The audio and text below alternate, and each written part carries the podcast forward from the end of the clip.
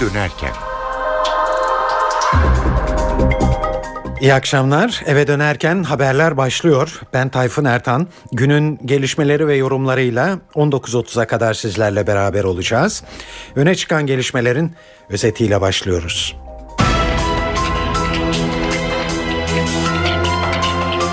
Futbol severler Fenerbahçe'den ayrılan Alex de Souza'ya dün gece evinin önünde sevgi gösterilerinde bulundu. Bugün teknik direktör Aykut Kocaman'ın da istifa ettiği yolundaki haberler Fenerbahçe yönetimi tarafından yalanlandı. 8. Cumhurbaşkanı Turgut Özal'ın zehirlenmiş olabileceği iddialarını incelemek üzere mezarı bugün açıldı. Şimdi adli tıp uzmanları incelemelerine başlıyor. Eski başbakanlardan Tansu Çiller 28 Şubat soruşturması kapsamında Ankara Cumhuriyet Başsavcılığına bilgi verdi. Çiller o dönemde Batı Çalışma Grubu'nun Doğru Yol Partisi'ni çökertmek için çalışma yürüttüğünden söz etti ama şikayetçi olmadığını söyledi. Başbakan Erdoğan yeni anayasanın yazılmasında AKP dışındaki partilere süre verdi. Erdoğan Anayasa Uzlaşma Komisyonu yıl sonuna kadar yeni anayasa çalışmalarını bitiremezse o zaman AKP'nin kendi başına hareket edeceğini söyledi. Uzun süren müzakere süreci tamamlandı. Dünyanın en büyük video paylaşım sitesi YouTube Türkiye ofisini açtı. Ve Galatasaray Şampiyonlar Ligi'ndeki ikinci sınavına bu akşam çıkıyor. Sarı Kırmızılılar 21.45'te Portekiz temsilcisi Braga ile İstanbul'da karşılaşacak. Maçı NTV Radyo'dan dinleyebilirsiniz.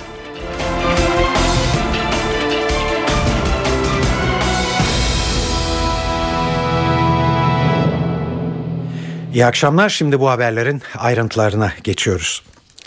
Türkiye bugün Fenerbahçeli Alex de Souza'yı konuşuyor sahada ve sağ dışındaki tavrıyla taraflı tarafsız herkesin beğeni ve sevgisini kazanan Alex'in Fenerbahçe'den ayrılış şekli sadece Fenerbahçelilerin değil Beşiktaş ve Galatasaraylıların bile tepkisine yol açmış görünüyor. 8 yıldır Fenerbahçe formasını giyen, daha geçenlerde taraftarların heykelini diktiği takım kaptanı bir futbolcunun kadro dışı bırakılması ve A2 takımıyla gençlerle antrenman yapmaya zorlanması Alex'i sözleşmesini feshetmeye götürmüştü dün. Son zamanlarda teknik direktörü Aykut Kocaman'la aralarının bozulmuş olması nedeniyle Alex'in Fenerbahçe'den ayrılması hiç de sürpriz olmadı. Ama Alex gibi taraftarların çok sevdiği kaliteli bir futbolcunun takımdan ayrılmasının doğal olarak uzantıları olacaktı. Bu sabah teknik direktör Kocaman'ın da istifasını Başkan Aziz Yıldırım'a sunduğu ileri sürüldü. Ancak bu iddia gün içinde Fenerbahçe yönetimi tarafından yapılan bir açıklamayla yalanlandı. Takımından istemeyerek de olsa ayrıldığını açıklayan Alex de Souza'ya ise taraftarlar sevgi gösterisinde bulunuyor. Sosyal medyada organize olan taraftarlar dün gece Yıldız oyuncunun evinin önünde toplandı ve saatlerce Alex lehine tezahürat yaptı.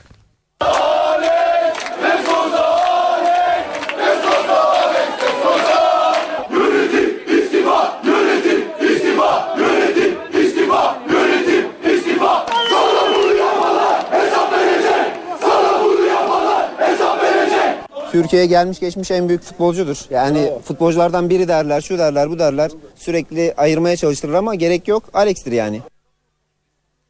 Evet Alex de bu gösteriye pencereden kendisine destek veren taraftarları selamladı ve birkaç kelimeyle onlara seslendi ama derdini gayet güzel anlattı. Benim için çok zor baba. Lütfen. Her şey için çok teşekkürler.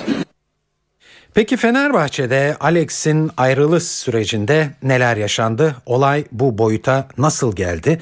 Bundan sonra neler olabilir? Spor yazarı Faik Gürses'in değerlendirmesini sunuyoruz. Şimdi kimine göre sorarsanız sarsılan kulüp otoritesi ya da Aykut Kocaman'a e, yapılan bir davranış biçimi neticesinde Alex'in bileti kesildi. E, bu lafı söylerken bile ben hicap duyuyorum yani biletinin kesilmesi yakıştırmasını yaparken.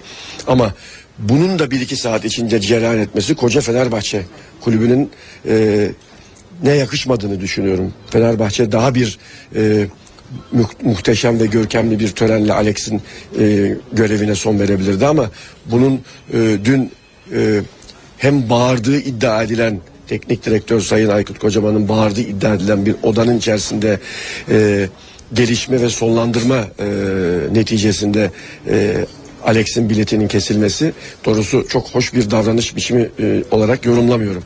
Şimdi şu andaki durumla Fenerbahçe'deki iki tip bir taraftar oluştu kanımca. Bir tanesi Fenerbahçe'de Alex operasyonuna karşı gelen e, taraftarların e, bundan böyle hiçbir Fenerbahçe beraberliğine, hiçbir Fenerbahçe mağlubiyetine tahammül etmeyeceği ve sürekli olarak Aykut Kocaman'ı dilere e, dolayacağı e, beraberinde Sayın Aziz Yıldırım'ın da bu tepkiye ortak edileceği e, bir davranış biçimi. E, e tabi bir de şimdi e, 3 Temmuz süresinin sırasında Fenerbahçe'de Alex kadar idol e, ve e, efsaneleşmeye doğru giden Aziz Yıldırım'ın e, bu davranış biçimiyle tahtı da e, sallanmaya başladı. Ben tahmin ediyorum dün akşamdan itibaren Fenerbahçe'deki o yasaklar, muhalefet, e, başkan adayın çıkmaması konusundaki hareketlilik de yaşanmaya başladı. Yani bundan sonra Fenerbahçe'deki Sayın Aziz Yıldırım'ın tek adamlık devrinin bu kadar yumuşak, bu kadar e, güçsüz bakılacağını tahmin etmiyorum. Alex'in gidişiyle beraber Fenerbahçe kulübünde yani bir devrim e, yapılacağını zannediyorum. Artık bir değil birkaç başka adayın çıkacağını, Aziz Yıldırım'ın eskisi kadar Fenerbahçe taraftarı üzerinde egemen olacağını zannetmiyorum.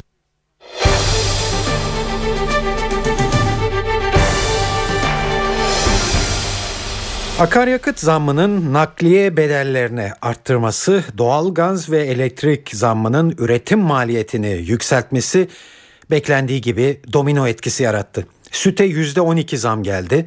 Önümüzdeki günlerde et fiyatlarının da yükselmesi bekleniyor.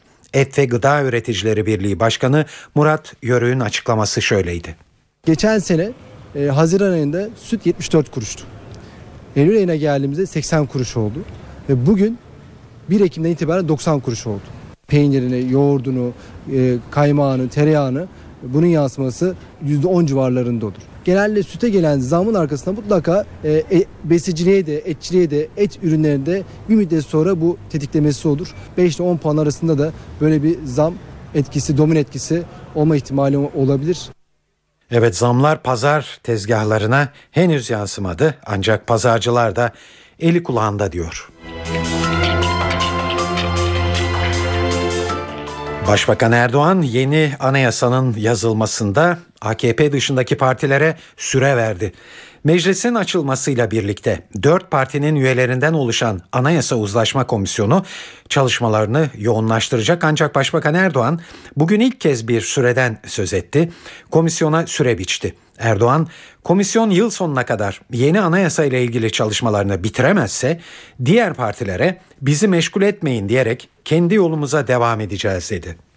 Türkiye Büyük Millet Meclisi'nin önünde yoğun bir çalışma gündemi bulunuyor. Yeni anayasa ile ilgili çalışmalar meclisin tatilde bulunduğu yaz aylarında da kesintisiz sürdü. Temennim odur ki bunu başarıyla tamamlayalım. Ve biz taahhüdümüzde duracağız. Ve bu çalışma bu şekilde yoluna inşallah devam etsin. Çünkü bu konuda biz samimiyiz. Biz verdiğimiz sözden geri adım asla atmayız. Yeni anayasa konusunda açıkça ortaya koyduğumuz ilkelerimiz çerçevesinde sonuç odaklı bir anlayışla çalışmalarımızı sürdürüyoruz. Biz yeni anayasa masasından kalkan taraf asla olmayacağız. O masada tek başımıza kalsak dahi elimizden gelen gayreti göstereceğiz. Süre belli. Artık bu yıl sonuna kadar bu iş oldu, oldu. Olmadı, artık bizi daha fazla meşgul etmesin diyeceğiz. Yola ondan sonra devam edeceğiz. 8. Cumhurbaşkanı Turgut Özal'ın zehirlenmiş olabileceği iddialarını incelemek üzere bugün mezarı açıldı. Devlet Denetleme Kurulu'nun Özal'ın ölümünü şüpheli bulmasının ardından başlatılan soruşturma kapsamında adli tıp uzmanları anıt mezara geldi ve savcılar nezdinde cenaze çıkarıldı. Yapılan çalışmaların ayrıntılarını NTV muhabiri Deniz Tüysüz anlatıyor. Ölüm şüpheli bulunan 8. Cumhurbaşkanı merhum Turgut Özal'ın naaşı bugün 8 saatlik çalışmanın ardından anıt mezardan çıkarıldı ve Türk bayrağına sarılı bir tabutla belediyeye ait bir cenaze aracıyla birlikte adli tıp kurumuna götürüldü.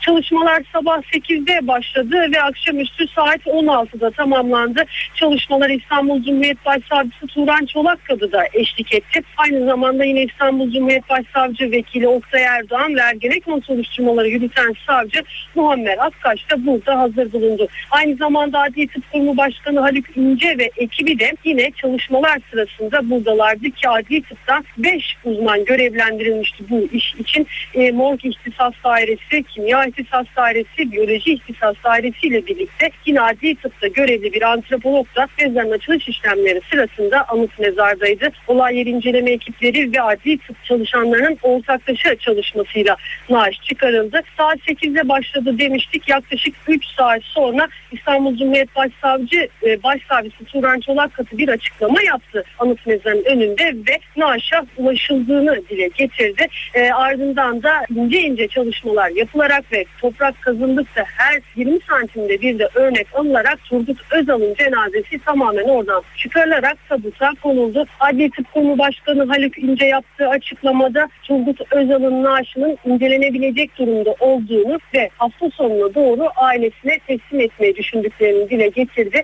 İnce bu konuya ilişkin raporun da iki aya kadar çıkacağını söyledi. Tüysüz, NTV Radyo İstanbul. Evet tabii bu sürecin ardından bu işlemin ardından şimdi gözler adli tıpta. Özal'ın cenazesinden alınan örnekler nasıl incelenecek? Bu işlem ne kadar sürecek? Kesin bir sonuca ulaşmak mümkün olacak mı? NTV'den Erhan Ertürk bu soruları bir bilen kişiye adli tıp uzmanı Profesör Ersi Kalfoğlu'na yöneltti binlerce toksik madde vardır. Bu binlerce toksik maddenin binlercesi aranmaz. Sistematik bir toksikolojik analiz prosedürü vardır ki o mutlaka uygulanacaktır. Ancak her zaman olguya özgü bir takım arama şekilleri söz konusudur. Her olgu kendine aittir ve bu olgunun ne şekilde araştırılacağı ise tabii ki soruşturma temelinde şekillenir. Bu nedenle nasıl yürüyeceği ve nelerin aranacağı ile ilgili soruşturmanın vereceği yön de önemli. Eğer binlerce zehrin binlercesini incelemek gibi bir derdimiz varsa çok uzun sürer. Ancak böyle bir çalışmanın gerekeceğini düşünmüyorum. Tekrar da etmek istiyorum. Eğer varsa bu zehir, varsa bu zehir bulunur diye düşünüyorum. Ve klasik rutin analiz dışında neler incelenecekse o oranda bu e, çalışma uzar. Büyük ölçüde, büyük oranda çalışmaların Türkiye'de yapılabileceği ve bir yere mutlaka varılabileceğini düşünüyorum. Eğer zehirlendiyse böyle bir inceleme neticesinde ortaya çıkacak sonuçlar ne kadar doğrudur? Doğruluk oranı nedir? E, eğer zehirlendiyse mutlaka doğrudur. Eğer pozitif bir veri Şüpheye elimizde varsa, yani. evet, elimizde bir pozitif veri varsa bu yüzde yüz oranında doğrudur. Varsa ve bulduksa bu zehirlenmedir. Bulamadık ve hayır ise bir şey çıkmadı ise o zaman orada hala bir şüphe söz konusu olabilir eğer bütün zehirler taranmazsa. E, bu tür araştırmalarda kemiğe mi bakılır, dişe mi bakılır, saça mı bakılır? Aradan da uzun zaman geçti. Hepsine mi bakılacaktır? E, Elde ne varsa özellikle düzgün örnek alınarak ve bu kadar da hassas bir noktada mutlaka her şey incelenecektir. Saç çok iyi bir biyolojik örnektir. Eğer varsa ki olabilme olasılığı yüksek. Varsa çok akıllı bir tarama yöntemi kullanılarak incelenir ve iyidir. Kemik vardır. Bu durumda ailenin elinde olduğu söylenen saç örneği e, işleri çok kolaylaştıracaktır. Pek Saklanmış kolaylaştıracağını bir şey. düşünmüyorum. Neden? Çünkü o hukuka uygun bir delil olma niteliğini çoktan yitirdi. Hukuki bakımdan böyle Evet. olduğunu söylüyor. Ama hukuki kimyasal bir açıdan yine Evet. mu- muteber bir şeydir. E, doğru ama hukuksal açıdan bu, bu bir hukuk davası olduğuna göre delillerin hukuka uygun olarak alınmış olması ve e, o şekilde incelenmesi gerekiyor. Öyle- Saat 18.14. Şimdi İstanbul'daki yol durumuna bakıyoruz. Eve dönerken haberlerde Büyükşehir Belediyesi Trafik Kontrol Merkezi'nden Murat Kazanasması dinliyoruz. Trafik yoğunluğu Anadolu yakasından Avrupa yakasına geçişte Boğaziçi Köprüsü'nde şu anda Altunizade trafiği ve sonrasında etkili olurken aynı şekilde Fatih Sultan Mehmet Köprüsü'nde Kavacık trafiği belki açık ama köprü üzerindeki yoğunluk şu an için artmakta. Avrupa Anadolu geçişinde Çağlayan trafiği ve devamında köprüye kadar yoğunluk uzuyor. Ok Meydanı trafiği Çağlayan istikametinde şimdilik hareketli. Fatih Sultan Mehmet Köprüsü'ndeki trafik yoğunluğu Akşemsettin Viyadüğü'nden başlayarak Kemerburgaz Sapağı, Seyrantepe trafiği ve sonrasında köprüye doğru uzamakta. Anadolu yakasına geçiş yönünde yine Bomonti Dolmabahçe Tüneli çıkışı, Dolmabahçe trafiği ve Beşiktaş yönündeki yoğunluk artıyor. Sahil yolunda da şu anda Can Kurtaran civarında başlayan bir yoğunluk var ve Sirkeci'ye kadar bu yoğunluk uzamakta. Cevizli Bağ'da havalimanı istikametine yoğunluğun devam ettiğini belirtelim. Ters yön biraz daha açık. Orada Küçükçekmece'de yapılan çalışma yer iki istikamette de trafiği etkilemeye başladı. Özellikle Avcar gelişi Küçükçekmece bağlantısındaki yoğunluk dikkat çekiyor. Eski başbakanlardan Tansu Çiller 28 Şubat soruşturması kapsamında ifade verdi. Ankara Cumhuriyet Başsavcılığı Refah Yol hükümetine darbe iddiasıyla başlattığı soruşturmada Çiller'in bilgisine başvurulmasına karar vermişti. Çiller Ankara Adliyesi'ne giderek bildiklerini mağdur sıfatıyla anlattı ve çıkışta gazetecilerin sorularını yanıtladı. Eski başbakan Batı Çalışma Grubu'nun Doğru Yol Partisi'ni çökertmek için çalışma yürüttüğünden söz etti. Ancak şikayetçi oldunuz mu sorusuna hayır yanıtını verdi. Sayın özel yetkili savcı beni aradı, Cumhuriyet Savcısı ve kendisinin 28 Şubat sürecine ilişkin e, ciddi ve geniş kapsamlı bir çalışma yaptığını ve bu çerçevede özellikle bizimle ilgili çok ciddi mağduriyet unsurları gördüğünü ifade etti. Kendisi bizi davet etti. Bugün o davete icabet ettim ve kendisini dinleme imkanım oldu. Gerçekten çok geniş kapsamlı bir soruşturma ve bir çalışma süreci tamamlanıyor. Bu süreç içerisinde görülüyor ki ve üzüntüyle görülüyor ki o dönemin hükümetinin özellikle Doğru Yol Partisi kanadı hedef seçilmiş. Birinci amaç olarak Doğru Yol Partisi'ni çökertmek olarak Batı Çalışma Grubu e, kapsamlı bir çalışma sürdürmüş.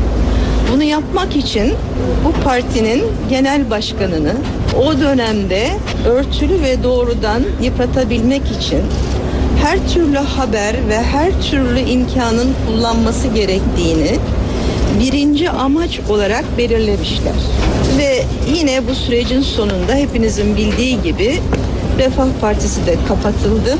Görülüyor ki bu dönemde her darbede olduğu gibi en fazla mağdur olan milletimiz olmuştur. Bugün her şeyden daha fazla sadece dinledim.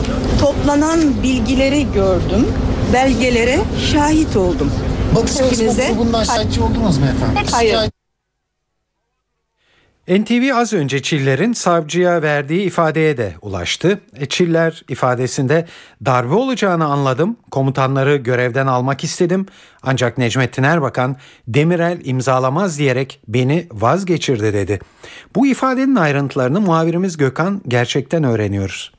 Çiller savcıya oldukça çarpıcı açıklamalarda bulundu. Biz darbeyi biliyorduk, darbeyi görüyorduk. Genelkurmay Başkanı ve kuvvet komutanlarını görevden almak istedik. Erbakan'la da görüştük ama Erbakan Demirel imzalamaz ki dedi ve bu işlem askıda kaldı dedi. Aynen şu ifadelere yer verildi Çiller, Çiller'in savcılıktaki ifadesinde. Batı Çalışma Grubu belgeleri bana İçişleri Bakanı Meral Akşener tarafından sunulduktan sonra bunun bir darbe hazır, hazırlığı olduğunu anladım. Belgeler Süleyman Demirel ve koalisyon ortağı Erbakan'a da sunulmuştu. Erbakan'la Başbakanlıkta bir görüşme yaptık. Askerler darbe hazırlığında derhal görevden almayız değerlendirmesi ön plana çıktı. Genelkurmay Başkanı İsmail Hakkı Karadayı ve kuvvet komutanlarını görevden alalım dedik. Ancak Erbakan bunu kabul etmedi. Demirel imzalamaz gerekçesiyle biz bu e, kararı alsak bile bunun köşkten döneceğini ifade etti. Bu nedenle bu karar askıda kaldı değerlendirmesinde bulundu. Savcıya verdiği ifadede Tansu Çiller. Batı Çalışma Grubu belgelerini açıkladıktan sonra Doğru Yol Partisi ve e, kendisinin Batı Batı Çalışma Grubu'nun hedef tahtasına oturduğunu belirten Tansu Çiller, kara propaganda yapıldı, hakkımızda birçok iddia gündeme getirildi, medya kullanıldı, CIA ajanı olduğumuz, örtülü ödenekten yargılanacağımız için yurt dışına kaçacağımız e, şeklinde kara propagandalar yapıldı, gazetelerde haberler yaptırıldı. Tek bir amaç vardı, beni ve partimi yıpratarak hükümeti devirmek. Peki Refah Yolu hükümeti dağıldıktan sonra Refah Partisi'nin kapatılmasının ardından yaşananları da anlattı Tansu Çiller savcılıkta ve Refah Partisi kapatıldı,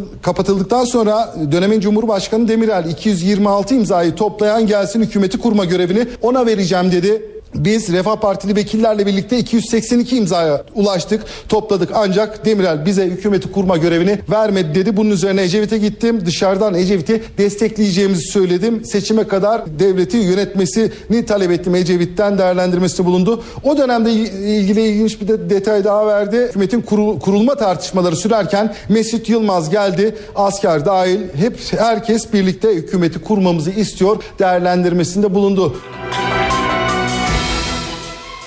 Parlamentonun açılmasıyla birlikte Meclis Darbe ve Muhtıraları Araştırma Komisyonu da çalışmalara başladı. Komisyon bugün döneme tanıklık eden köşe yazarlarını dinledi ve listeleri hayli kabarıktı. Gazetecilerin neler söylediğini komisyon çalışmalarını takip eden NTV muhabiri Borayhan Gülcü'den öğreniyoruz. Darbe ve Muhtıraları Araştırma Komisyonu yeni döneminde ilk mesaisine başladı. Komisyon 28 Şubat dönemine tanıklık eden gazetecileri dinledi. O döneme dair çeşitli haber ve programlar yapan Kadir Çelik, Mehmet Altan, Ali Bayramoğlu, Yavuz Donat ve Fehmi Kuru 28 Şubat dönemine ilişkin tanıklıklarını anlattı. Komisyonun sabahki toplantısının konu ilk konu Kadir Çelik'ti. Çelik komisyondaki toplantısında 28 Şubat sürecinde Refah Partileri en çok ekrana çıkaranlardan biri olduğunu ve bu nedenle tepki aldığını söyledi. Askerden herhangi bir uyarı almadığını kaydeden Çelik, oğlum askere gidene kadar bir çavuş bile tanımıyordum diye konuştu. Darbe Komisyonu ikinci olarak da gazeteci Mehmet Altan'ı dinledi. Altan Amerika'nın izni olmadan Türkiye'de darbe olmaz dedi.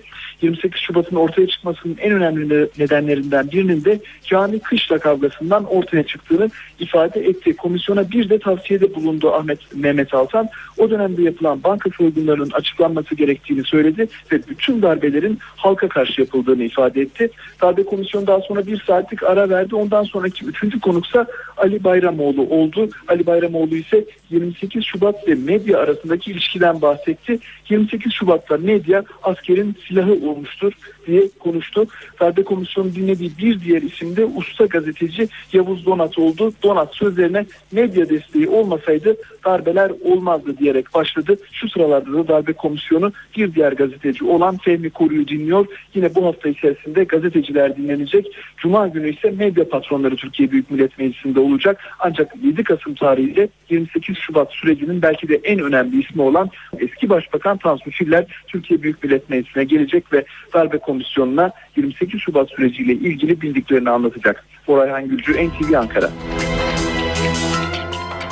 Yeni yasama yılının e, dün açılmasının ardından mecliste siyasi partiler ilk grup toplantılarını da bugün yaptılar. Gündemdeki konuların başında tabi terör vardı yine. Başbakan Erdoğan terör sorununu çözmek için CHP lideri Kemal Kılıçdaroğlu'na yaptığı bir araya e, gelelim konuşalım çağrısını hatırlattı ve halen sözümün arkasındayım dedi. Biz meclis açılırken tüm partilere yeni bir sayfa açma üslubunu, tavrını gözden geçirme, siyaset kurumu olarak hep birlikte sorumluluk üstlenme çağrısı yapıyoruz.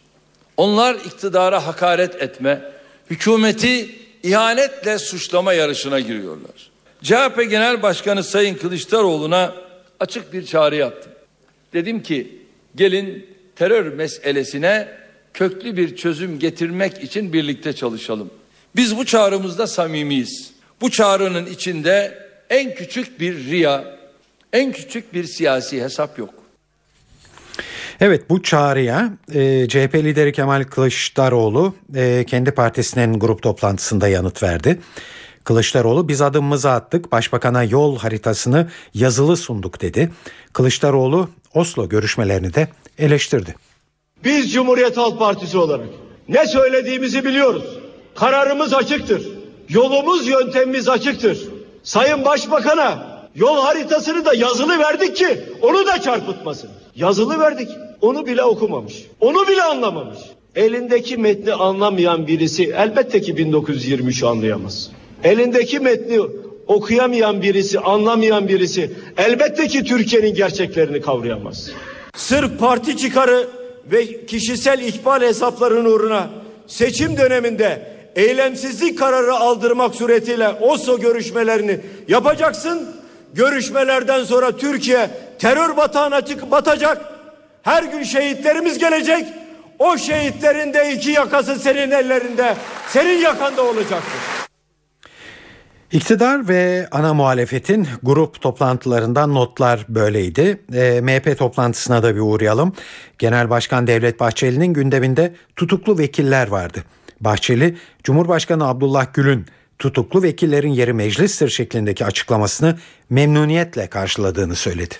Yeni yasama yılında Türkiye Büyük Millet Meclisi'nin özgürlük mağduru tüm üyelerine sahip çıkmasını, haklarını ve izzeti nefislerini savunmasını acilen bekliyor ve bunun için gerekli girişimlerin başlatılması gerektiğini bu vesileyle belirtmek istiyorum.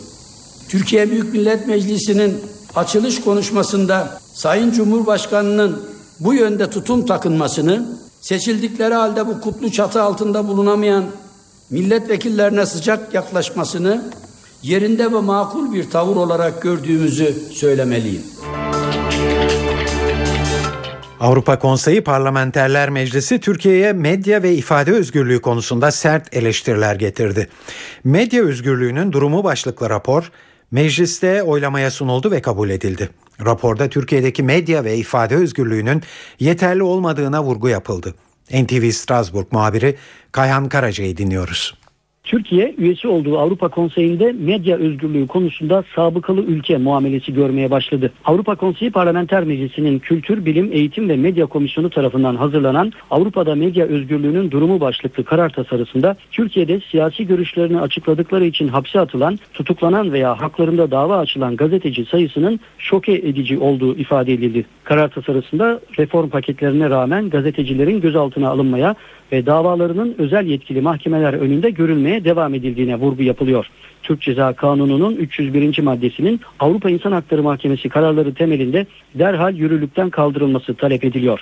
Bazı gazetecilere karşı haberleri nedeniyle açılan dava sayısı da Türkiye'de ciddi medya özgürlüğü ihlallerinin göstergesi olarak yansıtılıyor. Bu arada medya özgürlüğü konusu Avrupa Konseyi Parlamenter Meclisi'ndeki Türk heyetini ikiye böldü. CHP'li üyeler medya özgürlüğü raporu lehinde, AK Partili üyeler ise aleyhinde tavır aldı. AK Partili üyelerin taslak karar metnini değiştirmek için sundukları önergeler kabul görmedi. Komisyonda oy çoğunluğuyla kabul gelen karar tasarısı Ocak ayında genel kurulda oylamaya sunulacak. Öte yandan CHP'li üyeler Haluk Koç, Gülsün Bilgehan ve Deniz Baykal'ın girişimiyle Avrupa Konseyi Parlamenter Meclisi'nde Türkiye'de 8 milletvekilinin hapiste olmasının kınandığı bir yazılı bildiri imzaya açıldı. Şu ana kadar 40 Avrupalı parlamenterin imzaladığı bildiride milletvekillerinin hapiste bulunmasının Avrupa ve Birleşmiş Milletler sözleşmelerine aykırı olduğu belirtiliyor. Kayhan Karaca, NTV Radyo, Strasbourg.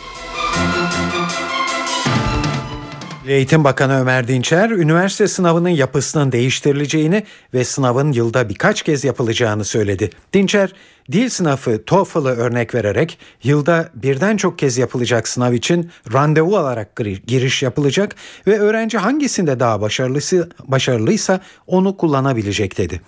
Bu konuda bir uzman görüşü aldık. Türk Eğitim Derneği Başkanı Selçuk Pehlivanoğlu, üniversite sınavının zamanına yayılarak yapılmasının öğrenciler üzerindeki baskıyı azaltacağını söyledi. TOEFL sistemine randevu alıp ülkemizde birkaç akredite edilmiş kuruluşta girebiliyorsunuz ve bilgisayar üzerinden yapılan bir sınav sistemidir. Tabii ki tahmin ediyorum Sayın Bakanımızın kastı yapı itibariyle e, fazla yapılması itibariyle TOEFL'a benzerliktir. Yoksa işlevsel olarak TOEFL'u birebir uygulamamız ona benzetmemiz üniversite sınavına mümkün değildir. Tabii burada şunu unutmamamız lazım 1 milyon 800 bin kişi gireceği bir sınavdan bahsediyoruz. Bunun planlamalarının düzgün yapılması gerekir ama şunu unutmayalım. Türkiye'de çocuklarımızın geleceği geleceğini bir tek sınava bağlı bir e, şekilde gerçekleştiriyoruz. Hayat tek bir sınavla ölçümlememesi gerekir ki bizdeki ölçme sınavı da değil bir sıralama sınavıdır. Bunu biz iyi niyetli bir girişim olarak görüyoruz ama çok dikkat edilmesi gereken ve bir bütünsellik içinde ele alınması gereken bir ölçüt olarak görüyoruz. Niye? Biliyorsunuz SBS 3'e çıkarılırken de çocukların dershane bağımlılığını azaltmak ve tek bir sınav kaygısına uzaklaşması için yapılmıştı. Dershane sayısının azalacağı iddia ediliyordu. Üçe katlandı. Onun için buradaki planlamaların çok dikkatli ve iyi bir şekilde yapılması ve bütünlük arz etmesi gerekir. Çocukların birden fazla sınava girmesi doğrudur ama biliyorsunuz biz üniversiteye giriş sınavını benim sayısını unuttuğum bir şekilde e, birçok kere değiştirdik. Çünkü sorunun kaynağını ortadan kaldırmadan sınavın şeklini veya süresini değiştirmek hiçbir çözüm getirmemektedir. Esas olan sorunun kaynağını ortadan kaldırmaktır. Bunun için de ciddi bir planlama yapmak gerekir. Bu planlamanın da zaman e, şartları aralığının iyi belirlenmesi gerekir. Aksi takdirde iyi niyetle yapacağımız şey yeni defaktolar, yeni sorunlarla bizi karşı karşıya bıraktırabilir. Şuna katılıyoruz. Bir çocuğun hayatı bir sınava indirgenmemelidir. Bize göre YGS ve LYS'nin iki ayrı sınav yapılması gereksizdir. Tek bir sınava indirilmiş bir sistem yılda iki kere gerçekleştirilebilir. Çünkü sınav kaygısı denilen şey daha iyi alırım kaygısına dönüşebilir. Buna dikkat etmek mecburiyetindeyiz. Çünkü bizde bir yarış var. Yani Amerika'daki gibi veya Avrupa'nın gelişmiş ülkelerindeki gibi bir, bir ölçme sınavı değil bir yarış sınavı olduğu için çocuklarda kaygıyı ve ailelerde kaygıyı tetikleyebilir. Ama teraziye koyduğunuz zaman bu çocukların yılda iki kere bir defaya mahsus olarak bir üniversite sınavına girmesinin daha doğru olacağını az sayıda da olsa defakto yaşayan, sağlık problemi yaşayan, kaygısı yüksek bir şekilde sınava giren çocuklarımızın ikinci sınavda bu haklarını kullanabileceğini daha uygun olacağını düşünüyoruz.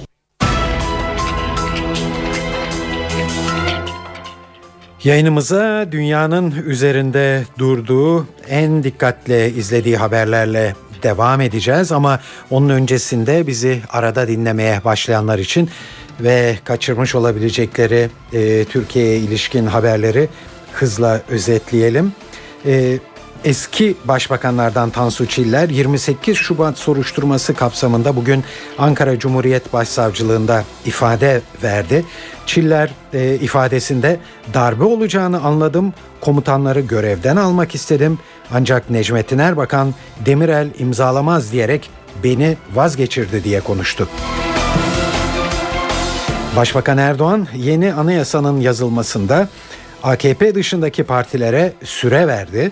Erdoğan Anayasa Uzlaşma Komisyonu yıl sonuna kadar yeni anayasa çalışmalarını bitiremezse o zaman AKP'nin kendi başına hareket edeceğini söyledi. Ve 8. Cumhurbaşkanı Turgut Özal'ın e, zehirlenmiş olabileceği iddialarını incelemek üzere bugün mezarı açıldı. Şimdi adli tıp uzmanları incelemelerine başlıyor.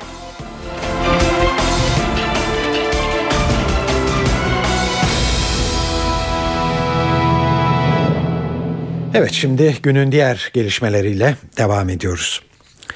Suudi Arabistan'da yayın yapan El Arabiya televizyonu hafta sonunda Suriye açıklarında düşürülen Türk jeti ile ilgili dikkat çekici bir iddiada bulunmuştu. Jet'in iki pilotunun Şam yönetimi tarafından canlı olarak ele geçirilip ardından Rusya'nın emriyle öldürüldüğünü ileri sürmüştü. Bu iddiaya hem Türkiye'den hem de Amerika ve Rusya'dan yalanlamalar geldi ardı ardına. Savunma Bakanı İsmet Yılmaz bu iddiaya itibar etmeyin diye konuştu. Söylenilen şeylerin hiçbirisi doğru değildir. Dolayısıyla doğru olmayan şey üzerine dün herhalde Rusya tarafından resmi açıklama yapıldı. Zırva tevil götürmez diye bizim kültürümüzde bir söz vardır.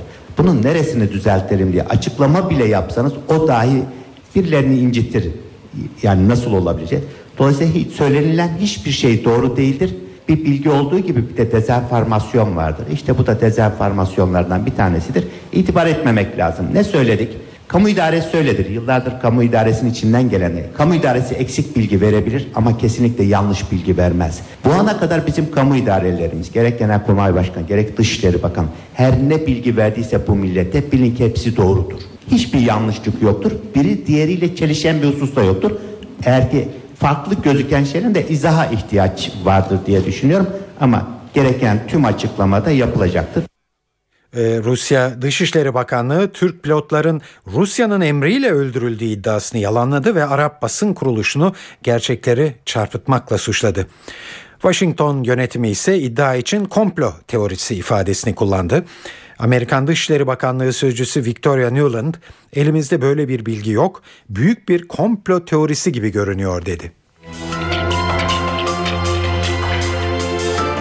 Suriye Dışişleri Bakanı Velid Muallim Birleşmiş Milletler Genel Kurulu'nda konuştu ve uluslararası toplumla diyaloğa hazırız mesajı verdi. Ancak Suriyeli Bakan Esad'a görevden ayrıl demenin Şam'ın iç işlerine açık bir müdahale olduğunu ifade etti.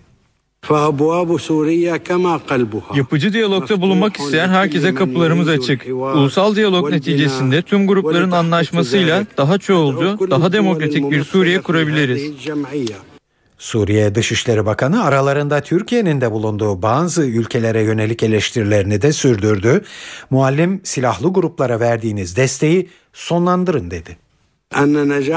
Herhangi bir uluslararası çabanın başarıya ulaşması için Suriye hükümetinin yapacağı katkının yanında ülkemdeki silahlı gruplara destek veren ülkelerin özellikle de Türkiye, Suudi Arabistan, Katar, Libya ve diğerlerinin silahlandırmayı finanse etmeyi, askeri eğitim vermeyi ve terörist grupları barındırmayı sonlandırması lazım.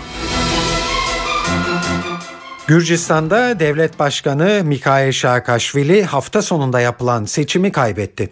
Saakashvili son dakikaya kadar seçimi önde götürdüğünü ileri sürüyordu. Sonunda galip gelen trilyoner siyasetçi Bidzina Ivanishvili oldu.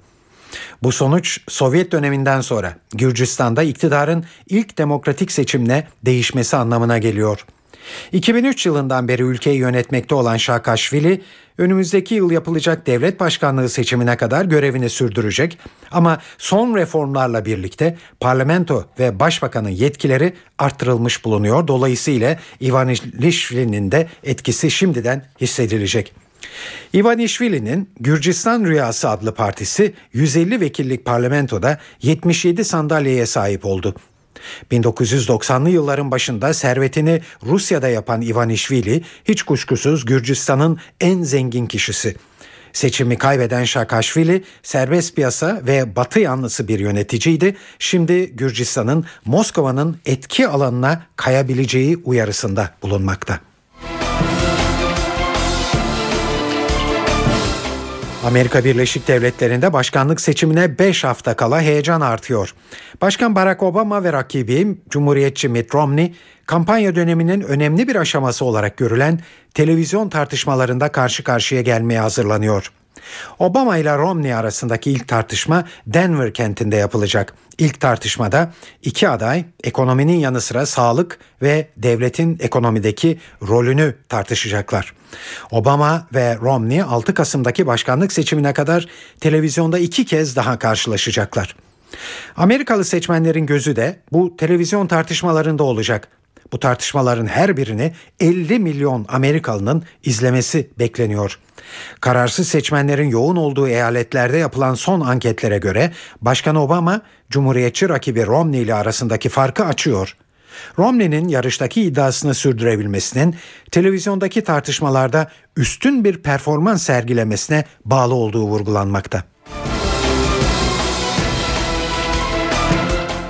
Nükleer programı nedeniyle Batı'nın tepkisine çeken İran'ın ekonomisi uluslararası yaptırımlar nedeniyle darbe aldı.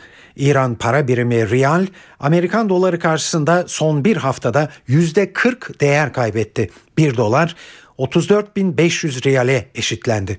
Böylece 80'lerdeki İran-Irak savaşı sırasında yaşanan ekonomik belirsizlik ve yüksek enflasyonlu ortama geri dönülmüş oldu. Halk elindeki parayı altına veya dövize çevirmek için döviz bürokoları ve kuyumculara akın ediyor. Ahmedi Necat yönetimi ise halktaki panik havasını önlemeye çalışıyor. Zira reale güvensizlik paranın değerini daha da düşürüyor. İranların büyük bölümü ise gidişattan Cumhurbaşkanı Mahmud Ahmedi Necat'ı sorumlu tutuyor. Ahmedi Necat'ın izlediği politikaların ülkeyi ekonomik kaosa sürüklediği yorumu yapılmakta. Euro bölgesi tarihinin en yüksek işsizlik oranıyla yüz yüze. İşsiz sayısı Ağustos ayında %11,4'lük oranla 18 milyonu aştı. Rekora en çok katkıda bulunan ülke %25 ile İspanya oldu. Avusturya ise %4,5'la işsizliğin en az olduğu ülke. Bölge genelinde 25 yaş altı gençler arasındaki işsizlik de yaklaşık %23 ile endişe verici boyutlara ulaştı. Bu oran İspanya'da %53'e yükseldi. Avrupa Konseyi işsizlik sözcüsü Jonathan Todd son veriler kabul edilebilir değil diyor. Bu kadar fazla kişinin işsiz olması kabul edilebilir değil. Üye devletler daha fazla çaba sarf etmeli. Örneğin İspanya'nın eğitimi iyileştirmesi ve ekonomik reformlar yapması gerekiyor.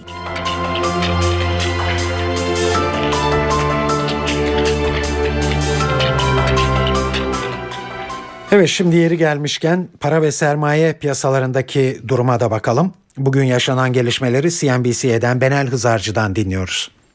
Piyasalar bugünü de pozitif bölgede tamamlamayı başardı. Dünkü yükselişlerin ardından hem Avrupa'da hem de içeride pozitif hava bugün de korundu. İspanya'nın yardım istemeye hazır olduğu bu kararın şimdilik Almanya'nın isteğiyle geciktirildiği haberleri vardı sabah.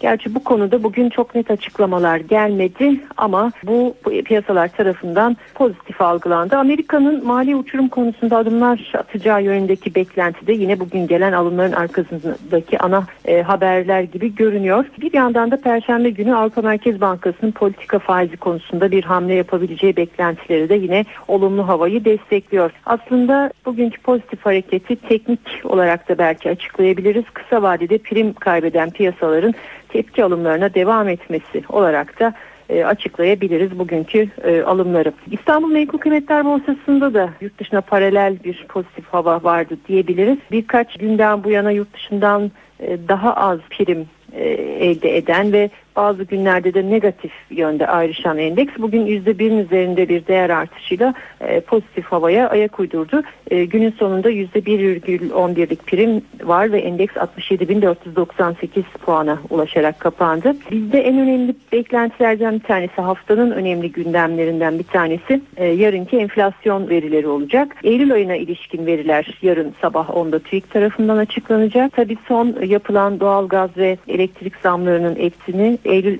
rakamlarında göremeyeceğiz. Çünkü bu zamlar 1 Ekim'den itibaren geçerli olacak. E, ancak onun öncesinde alkollü içkilere yapılan zam ya da otomotiv ve gelen ÖTV düzenlemesi gibi diğer e, değişikliklerin etkisini bu ay göreceğiz. 16 ekonomistle CNBC olarak yaptığımız ankete göre TÜFE'nin Eylül ayında %1,04 e, artması bekleniyor. Daha sonra bugünden itibaren, dünden itibaren devreye giren e, zamların e, bundan sonra enflasyonu yıl sonu için en azından nasıl etkileyeceği konusunda da yine aynı ekonomistlere bir soru yönelttik. Burada bir takım küçük revizyonlar oldu. Daha önce yıl sonu TÜFE beklentisi %7,28 iken zamlar sonrası bu beklentinin %7,36'ya çıktığını arttığını görüyoruz. Yarın gelecek e, beklentilerden daha düşük bir e, enflasyon verisi e, içeride de piyasalar adına destekleyici olacak gibi gözüküyor. Eski başbakanlardan Tansu Çiller 28 Şubat'ta darbe olacağını anladığını ileri sürdü.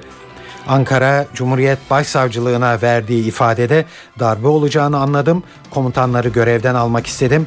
Ancak Necmettin Erbakan Demirel imzalamaz diyerek beni vazgeçirdi diye konuştu. Başbakan Erdoğan yeni anayasanın yazılmasında AKP dışındaki partilere süre verdi. Erdoğan Anayasa Uzlaşma Komisyonu yıl sonuna kadar yeni anayasa çalışmalarını bitiremezse o zaman AKP'nin kendi başına hareket edeceğini söyledi. 8. Cumhurbaşkanı Turgut Özal'ın zehirlenmiş olabileceği iddialarını incelemek üzere bugün mezara açıldı. Adli tıp uzmanları incelemelerine başladı. Ve Galatasaray Şampiyonlar Ligi'ndeki ikinci sınavına bu akşam çıkıyor. Sarı Kırmızılar 21.45'te Portekiz temsilcisi Braga ile İstanbul'da karşılaşacak. Maçı NTV Radyo'dan dinleyebilirsiniz.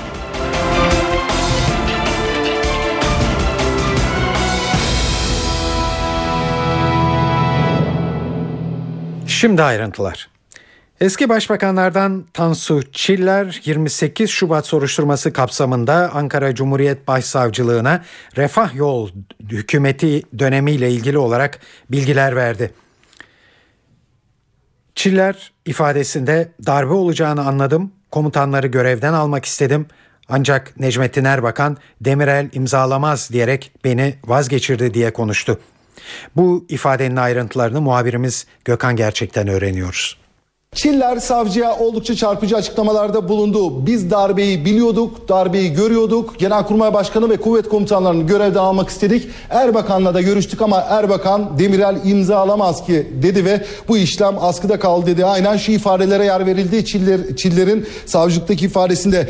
Batı Çalışma Grubu belgeleri bana İçişleri Bakanı Meral Akşener tarafından sunulduktan sonra bunun bir darbe hazır, hazırlığı olduğunu anladım. Belgeler Süleyman Demirel ve koalisyon ortağı Erbakan'a da sunulmuştu. Erbakan'la Başbakanlıkta bir görüşme yaptık. Askerler darbe hazırlığında derhal görevden almayız değerlendirmesi ön plana çıktı. Genelkurmay Başkanı İsmail Hakkı Karadayı ve kuvvet komutanlarını görevden alalım dedik. Ancak Erbakan bunu kabul etmedi. Demirel imzalamaz gerekçesiyle biz bu e, kararı alsak bile bunun köşkten döneceğini ifade etti. Bu nedenle bu karar askıda kaldı değerlendirmesinde bulundu. Savcıya verdiği ifadede Tansu Çiller. Batı Çalışma Grubu belgelerini açıkladıktan sonra Doğru Yol Partisi ve e, kendisinin Batı Çalışma Grubu'nun hedef tahtasına oturduğunu belirten Tansu Çiller, kara propaganda yapıldı, hakkımıza birçok iddia gündeme getirildi, medya kullanıldı, CIA ajanı olduğumuz, örtülü ödenekten yargılanacağımız için yurt dışına kaçacağımız e, şeklinde kara propagandalar yapıldı, gazetelerde haberler yaptırıldı. Tek bir amaç vardı, beni ve partimi yıpratarak hükümeti devirmek. Peki Refah Yolu hükümeti dağıldıktan sonra Refah Partisi'nin kapatılmasının ardından yaşananları da anlattı Tansu Çiller savcılıkta ve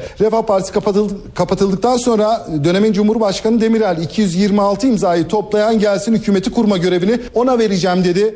Biz Refah Partili vekillerle birlikte 282 imzaya ulaştık, topladık. Ancak Demirel bize hükümeti kurma görevini vermedi dedi. Bunun üzerine Ecevit'e gittim. Dışarıdan Ecevit'i destekleyeceğimizi söyledim. Seçime kadar devleti yönetmesini talep ettim. Ecevit'ten değerlendirmesi bulundu. O dönemde ilgili ilginç bir de detay daha verdi. Hükümetin kurul, kurulma tartışmaları sürerken Mesut Yılmaz geldi. Asker dahil hep herkes birlikte hükümeti kurmamızı istiyor değerlendirmesinde bulundu. Başbakan Erdoğan yeni anayasanın hazırlanmasında AKP dışındaki partilere süre verdi. Erdoğan, Anayasa Uzlaşma Komisyonu çalışmalarını yıl sonuna kadar tamamlayamazsa diğer partilere bizi meşgul etmeyin diyerek kendi yolumuza gideceğiz dedi. Türkiye Büyük Millet Meclisi'nin önünde yoğun bir çalışma gündemi bulunuyor. Yeni anayasa ile ilgili çalışmalar meclisin tatilde bulunduğu yaz aylarında da kesintisiz sürdü. Temennim odur ki bunu başarıyla tamamlayalım. Ve biz taahhüdümüzde duracağız. Ve bu çalışma bu şekilde yoluna inşallah devam etsin. Çünkü bu konuda biz samimiyiz. Biz verdiğimiz sözden geri adım asla atmayız. Yeni anayasa konusunda açıkça ortaya koyduğumuz ilkelerimiz çerçevesinde sonuç odaklı bir anlayışla çalışmalarımızı sürdürüyoruz. Biz yeni anayasa masasından kalkan taraf asla olmayacağız. O masada tek başımıza kalsak dahi elimizden gelen gayreti göstereceğiz. Süre belli. Artık bu yıl sonuna kadar bu iş oldu, oldu. Olmadı artık bizi daha fazla meşgul etmesin diyeceğiz. Yola ondan sonra devam edeceğiz. 8. Cumhurbaşkanı Turgut Özal'ın zehirlenmiş olabileceği iddialarını incelemek üzere mezarı bugün açıldı. Devlet Denetleme Kurulu'nun Özal'ın ölümünü şüpheli bulmasının ardından başlatılan soruşturma kapsamında adli tıp uzmanları anıt mezara geldi ve savcılar nezdinde cenaze çıkartıldı. Çalışmaları NTV muhabiri Deniz Tüysüz izledi. Ölüm şüpheli bulunan 8. Cumhurbaşkanı merhum Turgut Özal'ın naaşı bugün 8 saatlik çalışmanın ardından anıt mezardan çıkarıldı ve Türk bayrağına sarılı bir tabutla belediyeye ait bir cenaze aracıyla birlikte adli tıp kurumuna götürüldü. Çalışmalar sabah 8'de başladı ve akşamüstü saat 16'da tamamlandı.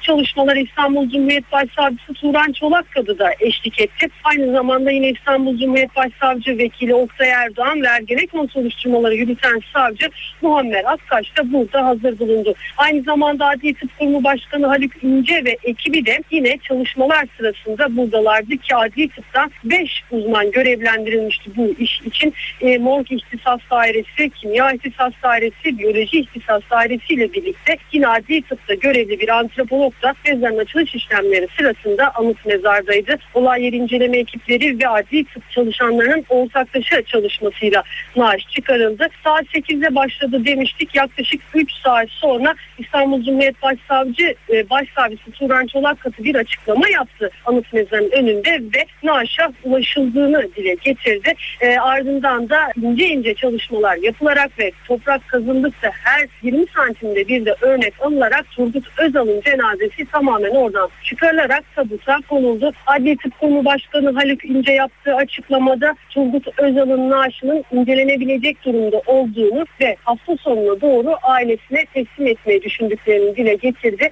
İnce bu konuya ilişkin raporun da iki aya kadar çıkacağını söyledi. Deniz Kürsüz, NTV Radyo İstanbul.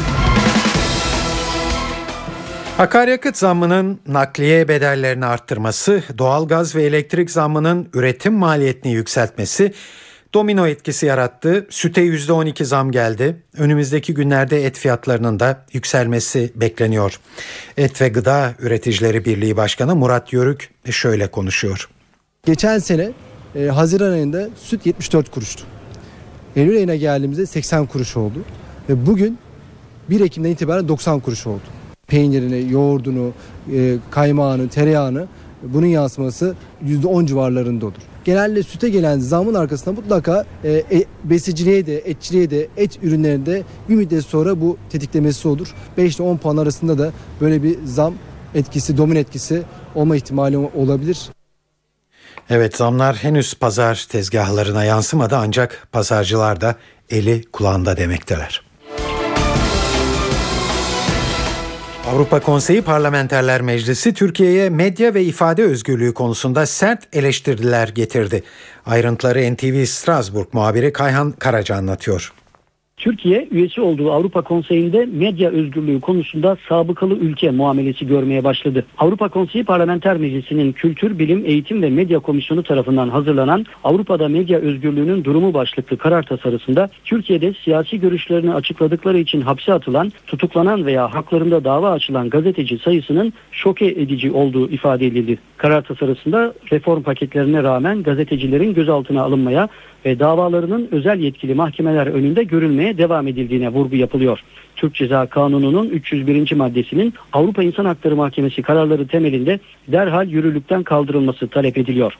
Bazı gazetecilere karşı haberleri nedeniyle açılan dava sayısı da Türkiye'de ciddi medya özgürlüğü ihlallerinin göstergesi olarak yansıtılıyor. Bu arada medya özgürlüğü konusu Avrupa Konseyi Parlamenter Meclisi'ndeki Türk heyetini ikiye böldü. CHP'li üyeler medya özgürlüğü raporu lehinde, AK Partili üyeler ise aleyhinde tavır aldı. AK Partili üyelerin taslak karar metnini değiştirmek için sundukları önergeler kabul görmedi. Komisyonda oy çoğunluğuyla kabul gelen karar tasarısı Ocak ayında genel kurulda oylamaya sunulacak. Öte yandan CHP'li üyeler Haluk Koç, Gülsün Bilgehan ve Deniz Baykal'ın girişimiyle Avrupa Konseyi Parlamenter Meclisi'nde Türkiye'de 8 milletvekilinin hapiste olmasının kınandığı bir yazılı bildiri imzaya açıldı. Şu ana kadar 40 Avrupalı parlamenterin imzaladığı bildiride milletvekillerinin hapiste bulunmasının Avrupa ve Birleşmiş Milletler sözleşmelerine aykırı olduğu belirtiliyor. Kayhan Karaca, NTV Radyo, Strasbourg. Galatasaray Şampiyonlar Ligi'ndeki ikinci sınavına bu akşam çıkıyor. Sarı Kırmızılılar Portekiz temsilcisi Braga ile karşılaşacak. Mücadele 21.45'te başlayacak. Devler Ligi'ne deplasmanda Manchester United mağlubiyetiyle başlayan Galatasaray evinde şimdi 3 puan almak istiyor. Maç öncesindeki son durumu NTV Spor muhabiri Irmak Kazuk'tan alıyoruz. Şampiyonlar Ligi'nde Galatasaray ikinci maçına bu akşam çıkacak. Saat 21.45'te Sarı Kırmızılı temsilcimizin konu Portekiz ekibi Braga olacak. Aslında ilk hafta maçlarına baktığımızda hem Galatasaray'ın hem de Braga'nın da ilk hafta karşılaşmalarını yenilgiyle kapattığını hatırlayacağız. Dolayısıyla bugün temsilcimizin yani Galatasaray'ın sahadan 3 puanla ayrılması büyük önem taşıyor ki yoluna daha da büyük bir moralle devam edebilsin. Bugün burada 50 bin aşkın Sarı Kırmızılı taraftarda Sarı Kırmızılı takım arkasını alacak. Burada artık Seyrantepe'de Türk Telekom Arena'da son hazırlıklar yapıyor, yapılıyor. Hem çimde hem stat etrafında içinde dışında hazırlıklar neredeyse tamamlandı ve maç saati beklenmeye başladı. Galatasaray takımı ile ilgili notlara geçecek olursak Hamit Altıntop'un sakatlığından dolayı dün teknik direktör Fatih Terim tarafından oynayamayacağı yönünde bir bilgi bizlerle basın mensuplarıyla paylaşılmıştı. Aynı şekilde İsveçli Yıldız Johan Elmander de gıda zehirlenmesinden dolayı maç kadrosuna kamp kadrosuna dahil edildi ancak oynayıp oynamayacağı henüz netlik kazanmış değil. Bunun yanı sıra Ufalüji'nin sakatlığından dolayı da oynayamayacağını bir kez daha aktaralım. Dolayısıyla bu önemli eksiklerin ışığında ya da gölgesinde Galatasaray'ın bugün sahaya şu 11 oyuncuyla çıkması bekleniyor. Galatasaray'ın bugün Fernando Muslera koruyacak kalesini. Geri dörtlüye baktığımızda Ebue, Dani, Semih ve Hakan Balta dörtlüsü. Orta alanda Hamit Altıntop'un yerine genç Emre Çolak'ın forma giymesini bekliyor. Sol tarafta Nordin Amrabat ortada Selçuk Melo ikilisi ileride ise Burak Yılmaz ve Umut Bulut Galatasaray'ın iki gol silah olacak gibi gözüküyor. Konuk takım Braga'dan bahsetmek gerekirse Portekiz futbolunda son yıllarda aslında yükselen değerlerden bir tanesi. 2010-2011 sezonda UEFA Avrupa Ligi'nde final oynama başarısını göstermiş durumda ancak o sezon sonrasında kadrosunda bulunan önemli isimleri diğer takımlara satınca istikrarı kaybetti ama yine de kadrosunda önemli oyuncular bulunuyor. İlk hafta Kulüca kendi evinde 2-0 mağlup olmuştu ama karşılaşmanın geneline baktığımızda özellikle istatistiklere baktığımızda e, Braga'nın üstünlüğünde geçen ve hatta ev sahibi Braga'nın rakip kaleye gönderdiği 35 şuttan 25'inde isabet sağladığı bir 90 dakika görüyoruz. Dolayısıyla sarı kırmızılı temsilcimizin karşısında oldukça dirençli, mücadeleci ve agresif bir Braga olacak. Aynı onlar da temsilcimiz gibi sahaya galibiyet parolasıyla çıkacaklar.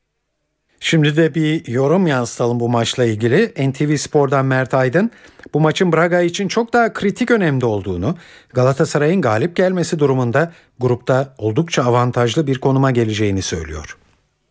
Bundan sonra iki maçını Kulüc'le oynayacak Galatasaray. Braga ise United'la oynayacak. Bu açıdan bakıldığında Galatasaray açısından çok önemli bir maç ama sanki Braga maçında, e, açısından çok daha önemli bir maç haline geliyor bu. Burada Galatasaray kazandığı takdirde çok önemli bir avantaj elde edecek ama istemeyiz ama beraberlik halinde de Galatasaray'ın Braga'ya karşı bir avantajı olabilir. Tabii ki futbolda her şey var. Siz Kulüce iki kere de yenilebilirsiniz. Onlar United'ı iki kere de yenebilir. Futbolda bunlar olmayacak şeyler değildir. Ama hani karşılaştırdığında Kulüc ve United'ı iki kere hangisiyle oynamak istersin diye sorulsa herhalde Kulüc'ü tercih edersiniz. Yani en azından Galatasaray'ın böyle bir şansı var. Bunu belirtmek gerekiyor ama tabii her şey sahada belli oluyor. Ama galibiyet Galatasaray açısından çok çok önemli bir e, avantaj getirecektir. E, tabii Galatasaraylıların bir kısmı belki Ordu maçından sonra birazcık endişeye kapılmış olabilir. Bazı eksikler var. Bunları düşündüğümüzde e, burada Galatasaray için önemli bir faktör seyirci olacak. Yani 50 bin seyirci önünde 50 bin seyircinin itmesiyle e, sahada yer alacak. Burada onların da çok soğukkanlı olması gerekiyor diye düşünüyorum. Seyircinin de bugün en az futbolcular kadar maçın içinde olması gerekiyor ve maçı etki edebileceklerini düşünüyorum olumlu anlamda. E, bunu sağlayabilirse Galatasaray bir adım öne çıkacaktır. Galatasaray Braga karşılaşmasını 21.45'ten itibaren Star TV'den ve NTV Radyo'dan canlı olarak takip edebilirsiniz. Uzun süren müzakere süreci sonunda tamamlandı. Dünyanın en büyük video paylaşım sitesi YouTube Türkiye ofisini açtı. YouTube com.tr uzantısı ve Türkiye'ye özgü içeriğiyle yayına başladı. Ulaştırma Bakanı Binali Yıldırım bu durumu dünyanın en büyüğü de olsan bu ülkenin kanunlarına uyacaksın sözleriyle yorumladı. Bizim söylediklerimizi doğrusu duymazdan geliyorlardı. Oralı olmuyorlardı. Ama sıkıyı görünce tabiri caizse bu ülkede çalışıyorsan ne olursan ol dünyanın en büyüğü ol bu ülkenin kanunlarına bu ülkenin hukukuna uyacaksın.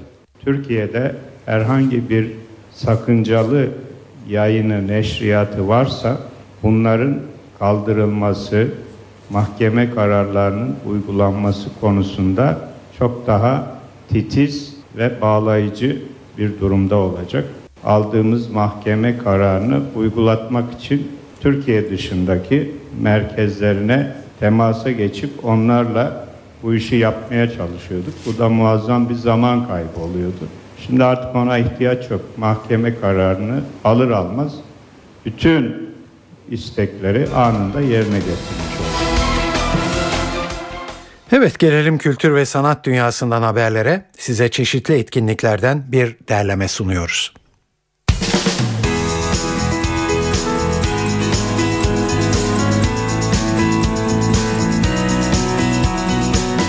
Film ekimi kapsamında bugün Atlas Sineması'nda Havana'da 7 gün adlı film var. Film aralarında Benicio del Toro, Gaspar Noé ve Juan Carlos Tabio'nun da bulunduğu 7 farklı yönetmenin Havana hikayelerinden oluşuyor. Filmin başlama saati 19. Fatih Akın'ın ilk olarak Adana Altın Koza Film Festivali'nde gösterilen belgeseli Cennetteki Çöplük'te Beyoğlu sinemasında bugün Akın belgeselinde memleketi Trabzon'un Çamburnu ilçesinde kurulan çöplük sahasına dikkatleri çekiyor. Belgesel saat 21.30'da başlayacak. Aynı saatlerde Nişantaşı Stiz'de ise Film Festivali'nin gözde yapımlarından Düşler Diyarı gösterilecek.